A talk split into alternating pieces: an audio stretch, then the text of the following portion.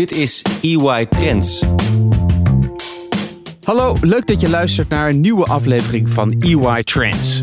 Mijn naam is Frank Kromer en in deze aflevering staat de WOA centraal. Het wetsvoorstel homologatie onderhands akkoord.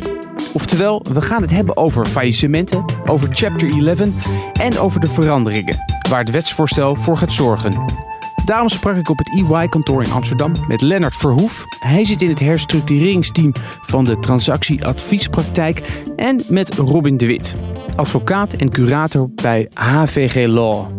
Voordat we even de, de WOA in gaan duiken, uh, wil ik eerst met jullie eens even kijken naar faillissementen. Uh, jullie hebben er veel ervaring mee, allebei. Zijn er nou van die faillissementen geweest waarvan je dacht, was er nou maar die WOA geweest? Dan had dat echt heel veel ellende gescheeld. Robin? Nou, ik denk met name aan uh, veel retail faillissementen. Uh, waarbij ja, ze heel veel onrendabele locaties hadden, vestigingen die gesloten moesten worden. Maar waarbij de eigenaar wel vastzit aan langlopende huurcontracten. En ze eigenlijk niet van die huurcontracten af konden komen. Uh, de WOA biedt mogelijkheden om van die langlopende verplichtingen af te komen. Dat is leuk voor de ondernemer. Voor degene die het pand heeft. Is dat absoluut een nadeel. Ja. ja. En daarvoor gaat er wel uh, gevolgen hebben. Je zou ook kunnen zeggen natuurlijk, ja, het is gewoon slecht ondernemerschap. Had je beter moeten inschatten voordat je het contract sloot met die pandeigenaar. Klopt, maar aan de andere kant, uh, de WOA heeft als doel om faillissementen te voorkomen.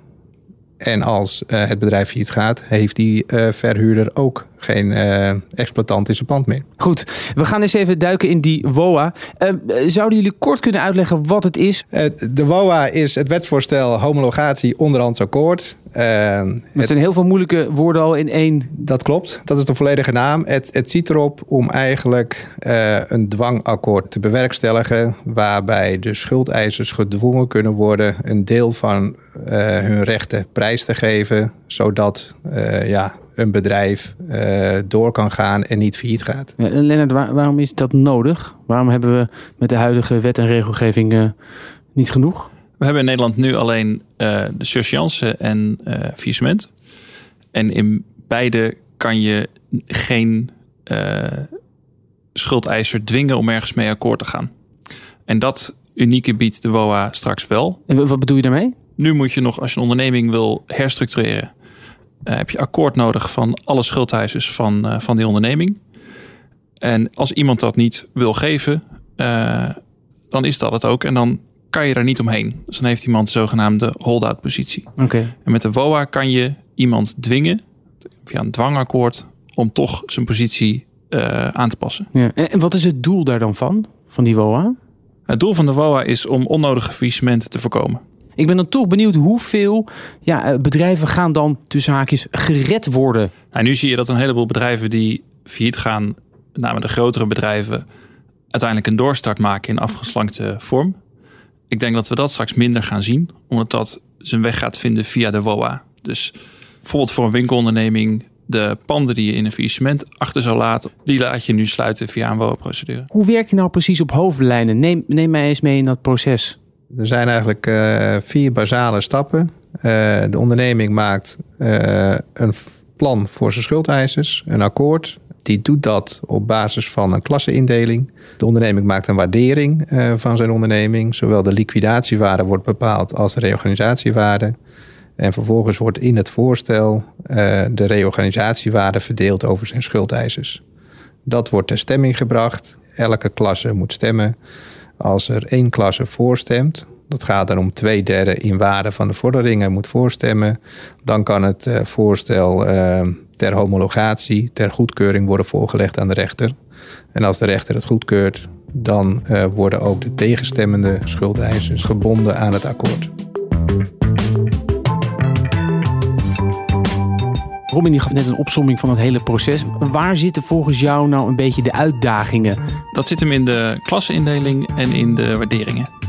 Ten eerste die klassenindeling. Um, het is heel erg vrij hoe een onderneming die klassen kan gaan indelen. Je kan bijvoorbeeld zeggen, ik neem al mijn concurrente crediteuren uh, tot 100.000 euro neem ik niet mee. Um, want dat vind ik te veel gedoe. Dan moet ik met iedereen gaan onderhandelen en dat wil ik niet. Um, maar je kan ook zeggen, deze leverancier is zo ontzettend belangrijk voor mij, die neem ik niet mee, maar de rest allemaal wel. Nou, dat gaat denk ik straks in de praktijk tot redelijk wat discussie leiden over hoe je die klasses gaat indelen. En nog belangrijker zijn die waarderingen. Die faillissementswaardering, om daarmee te beginnen, is een vrij theoretische benadering. Namelijk, je moet gaan zeggen wat een onderneming gaat opleveren als het fiets zou gaan. Dat is gewoon heel lastig. Hoe ga je dat doen dan? Je gaat kijken naar de balans van de onderneming. Hè. Wat heeft die onderneming aan bezittingen? Wat zou dat opleveren in faillissement? Wat zou het opleveren als ik dat ga verkopen op de markt? Als ik een pand ga veilen, wat levert het op? En dan, hoe gaat die opbrengst uiteindelijk? Uh, wat moet daar vanaf worden gehaald? Uh, je moet een makelaar in dat geval betalen, een taxateur, een veilinghuis. En hoe gaat dat uiteindelijk, stroomt dat naar de klassen toe? Bij faillissement is dat natuurlijk altijd de grootste vraag. Hoeveel is het waard straks? Ja. Um, ja, moeten we nou blij zijn met die WOA als die straks uh, halverwege 2020, uh, zoals het eruit ziet, in werking gaat treden? Is dat nou positief voor de BV Nederland? We hebben nu niet echt een goede herstructureringsmogelijkheid. Uh, faillissement is daarvoor niet bedoeld. Uh, dat ooit daarvoor bedoeld was uh, bij de invoering, werkt in de praktijk niet. 99% van de surseances eindigt in een faillissement.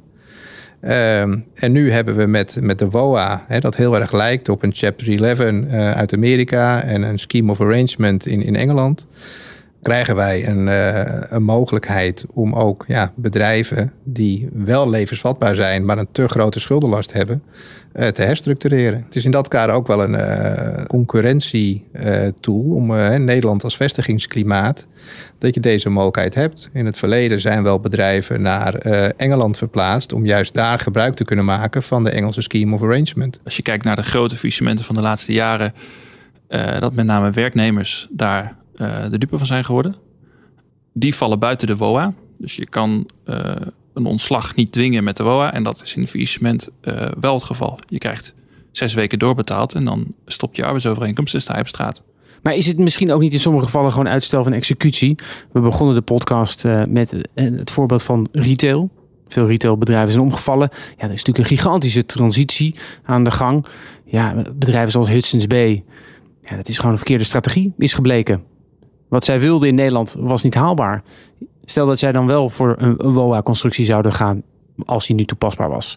Ja, dat was toch een puur uitstel van executie geweest. Ja, nou, dat zal uh, inderdaad een van de uitdagingen van de WOA zijn. Om uh, wel aan te tonen dat uh, er levensvatbaarheid is in het bedrijf voor de toekomst. En dat dus de reorganisatiewaarde, de waarde van de onderneming, wat feitelijk de toekomstige kaststromen zijn, meer zijn dan de liquidatiewaarde. Anders heeft de WOA geen zin dus je moet daadwerkelijk aantonen dat uh, je in de toekomst je verplichtingen kunt nakomen en je waarde genereert. Nou, persoonlijk hoop ik ook dat uh, de rechters de ondernemingen die de WOA-procedure gaan inzetten ook breder uitdaagt dan alleen een financiële kant van de herstructurering, maar ook dat ze moeten laten zien hoe de extra tijd die zij krijgen gebruikt gaat worden om de onderneming operationeel en of strategisch ook op de rit te krijgen. Want uiteindelijk alleen je balans herstructureren is leuk. En het wint je tijd. Maar het doet niet zoveel. Om echt de onderneming uh, weer een toekomst te geven, moet het ook operationeel en strategisch vaak weten. Um, Lennart, we hebben het net gehad over de uitdagingen die er in het WOA-proces zitten. Maar wat zijn nou echt de, ja, de sterke punten, als je die uh, kort zou kunnen opnoemen? Sterk is dat er een beperkte verstoring van de operatie uh, plaatsvindt. Hè. De onderneming kan gewoon door. Er zijn beschermingsmaatregelen, bijvoorbeeld een afkoelingsperiode. De WOA is verder een heel flexibel instrument. Het, is een kaderregeling nog. Het is niet tot in elk detail uh, ingevuld. Dat moeten we dus ook de komende jaren gaan zien in de praktijk hoe het ingevuld gaat worden. Het heeft een hele hoge deal certainty, noemen we dat. Hè. Dus een hele hoge uh, zekerheid. Er is een beperkte blokkeringsmogelijkheid voor dwarsliggers. Je hebt geen hoger beroep. Ja, dat zijn gewoon elementen die het heel sterk maken. En waar ik nog wel veel van verwacht, is dat de WOA ook zal dienen uh, als stok achter de deur. Dus dat bedrijven uh, die moeten herstructureren, uh, in gesprek gaan met hun schuldeisers en een voorstel doet van, nou ja, dit is mijn plan voor de toekomst. Dat ze hè, eerst schuldeisers zullen vragen vrijwillig mee te werken met, nou ja, een, niet-officiële WOA. En pas als dat niet werkt, als er toch schuldeisers dwars blijven liggen, dat ze dan gaan dreigen van, goh, ik kan ook een WOA doen, dan moet je wel meewerken. En dat dat dus zal dienen om toch vrijwillig buiten WOA om een herstructurering te bewerkstelligen. Wie kan eigenlijk die uh, WOA initiëren? Is dat puur de onderneming zelf of zijn er ook nog andere, misschien schuldeiser die het kan opstarten? Het leuke is van, het, uh, van de wet is dat ook uh, schuldeisers uh, kunnen de WOA initiëren, aandeelhouders, maar ook de ondernemingsraad of personeelsvertegenwoordiging kan een WOA initiëren. Dus je bent niet afhankelijk van het bestuur. Als bijvoorbeeld een bank als financier zit van nou hier moet geherfinancierd worden en het bedrijf zelf onderneemt geen actie, dan kan ook een bank het initiatief nemen. Of bijvoorbeeld een personeelsvertegenwoordiging. Heren, we hebben het nu vooral gehad over ja, die bedrijven die in de moeilijkheden uh, komen. Maar het kan natuurlijk ook andersom zijn. Uh, ik noem maar wat. Stel, je bent leverancier van meel en je levert aan heel, een grote bakkerij. En die bakkerij draait niet zo lekker. En die komt opeens met de melding: ja, we gaan een WOA-procedure starten. En je hebt nog allemaal facturen uitstaan als mailleverancier. Ja, dan word je zomaar geconfronteerd met iets waarvan je denkt: ja, wat moet ik ermee? Ja, nou dan is het zaak. Hè? Als leverancier heb je dan heel veel informatie gekregen om dat voorstel te beoordelen. En het is wel zaak om daar kritisch naar te kijken. Van, nou ja, klopt het en krijg ik wel de waarde die mij toekomt in dat voorstel? Uh, en als je daar niet mee eens bent, dan biedt de WOA-wetgeving ook echt wel mogelijkheden om daartegen in bezwaar te komen bij de rechtbank. Om er allerlei bezwaren tegen aan te tekenen. Je kan zeggen, nou de waardering is te laag. Uh, het is geen eerlijke verdeling. En op deze wijze, of er wordt misbruik gemaakt. Op deze wijze kun je wel uh, je zegje doen uh, om het tegen te houden. Maar die bakkerij heeft uh, meerdere leveranciers en ik ben maar één van de vele. En ik heb net geleerd dat je een meerderheid nodig hebt van schuldleveranciers. Stel nou dat ik de enige ben die zegt, ja, hallo, dit klopt niet. Dan ben ik alsnog de pineut. Dan ben ik toch een beetje een sitting dak met deze hele WOA-procedure. Nee, maar dan werkt het zo als uh, één schuldeiser bij de rechter uh, bezwaren aanvoert en de rechter vindt die bezwaren terecht, dan zal de rechter het niet homologeren en gaat het niet door. Oh, dus het is wel dat je best wel als schuldeiser, slash in dit, deze casus, hè, de leverancier van mail, heb ik nog best wel wat poten om op te staan. Ja, zeker. En het is ook belangrijk uh, dat je je positie gebruikt en dat je ook echt in actie komt. Want als je niets doet en ook niet stemt, kan je wel alsnog verbonden worden aan het akkoord. Ja, elke medaille heeft natuurlijk twee kanten. Eh, deze wet eh, die probeert veel ondernemingen te helpen. Maar ik kan me ook wel voorstellen, ja, het gebeurt overal in de wereld. Er kan ook wel misbruik van worden gemaakt. Uh, waar moeten ondernemingen of schuldeisers dan op letten als ze denken van... Hmm. Je moet opletten hoe is de indeling in klassen gebeurt. Hè? Volgt dat de faillissementsrangorde? Ehm, ja, worden alle uh, schuldeisers meegenomen? Wordt er een deel vergeten die dus buiten het akkoord vallen en dus kennelijk wel volledig betaald worden? Uh, ja, hoe is de waardering tot stand gekomen? Uh, zijn dat gewoon onafhankelijke waarderingsexperts? Of is het uh, ja, de goede vriend, plaatselijke accountant van de ondernemer? Daar moet je allemaal wel naar kijken. Ja, over die waarderingen verwachten wij in de praktijk straks wel veel discussie discussie, dat kunnen we dus wel verwachten. Maar los daarvan, de WOA gaat een hele mooie toevoeging zijn voor de BV Nederland. Wanneer de wet precies in werking zal treden, dat is nog niet helemaal duidelijk. Goede kans is dat het deze zomer zal gebeuren en anders eind 2020. Wil je op de hoogte blijven van de ontwikkelingen rond de WOA? Check dan vooral de websites van EY en HVG Law. Dit was EY Trends voor deze keer. Bedankt voor het luisteren. Tot de volgende podcast.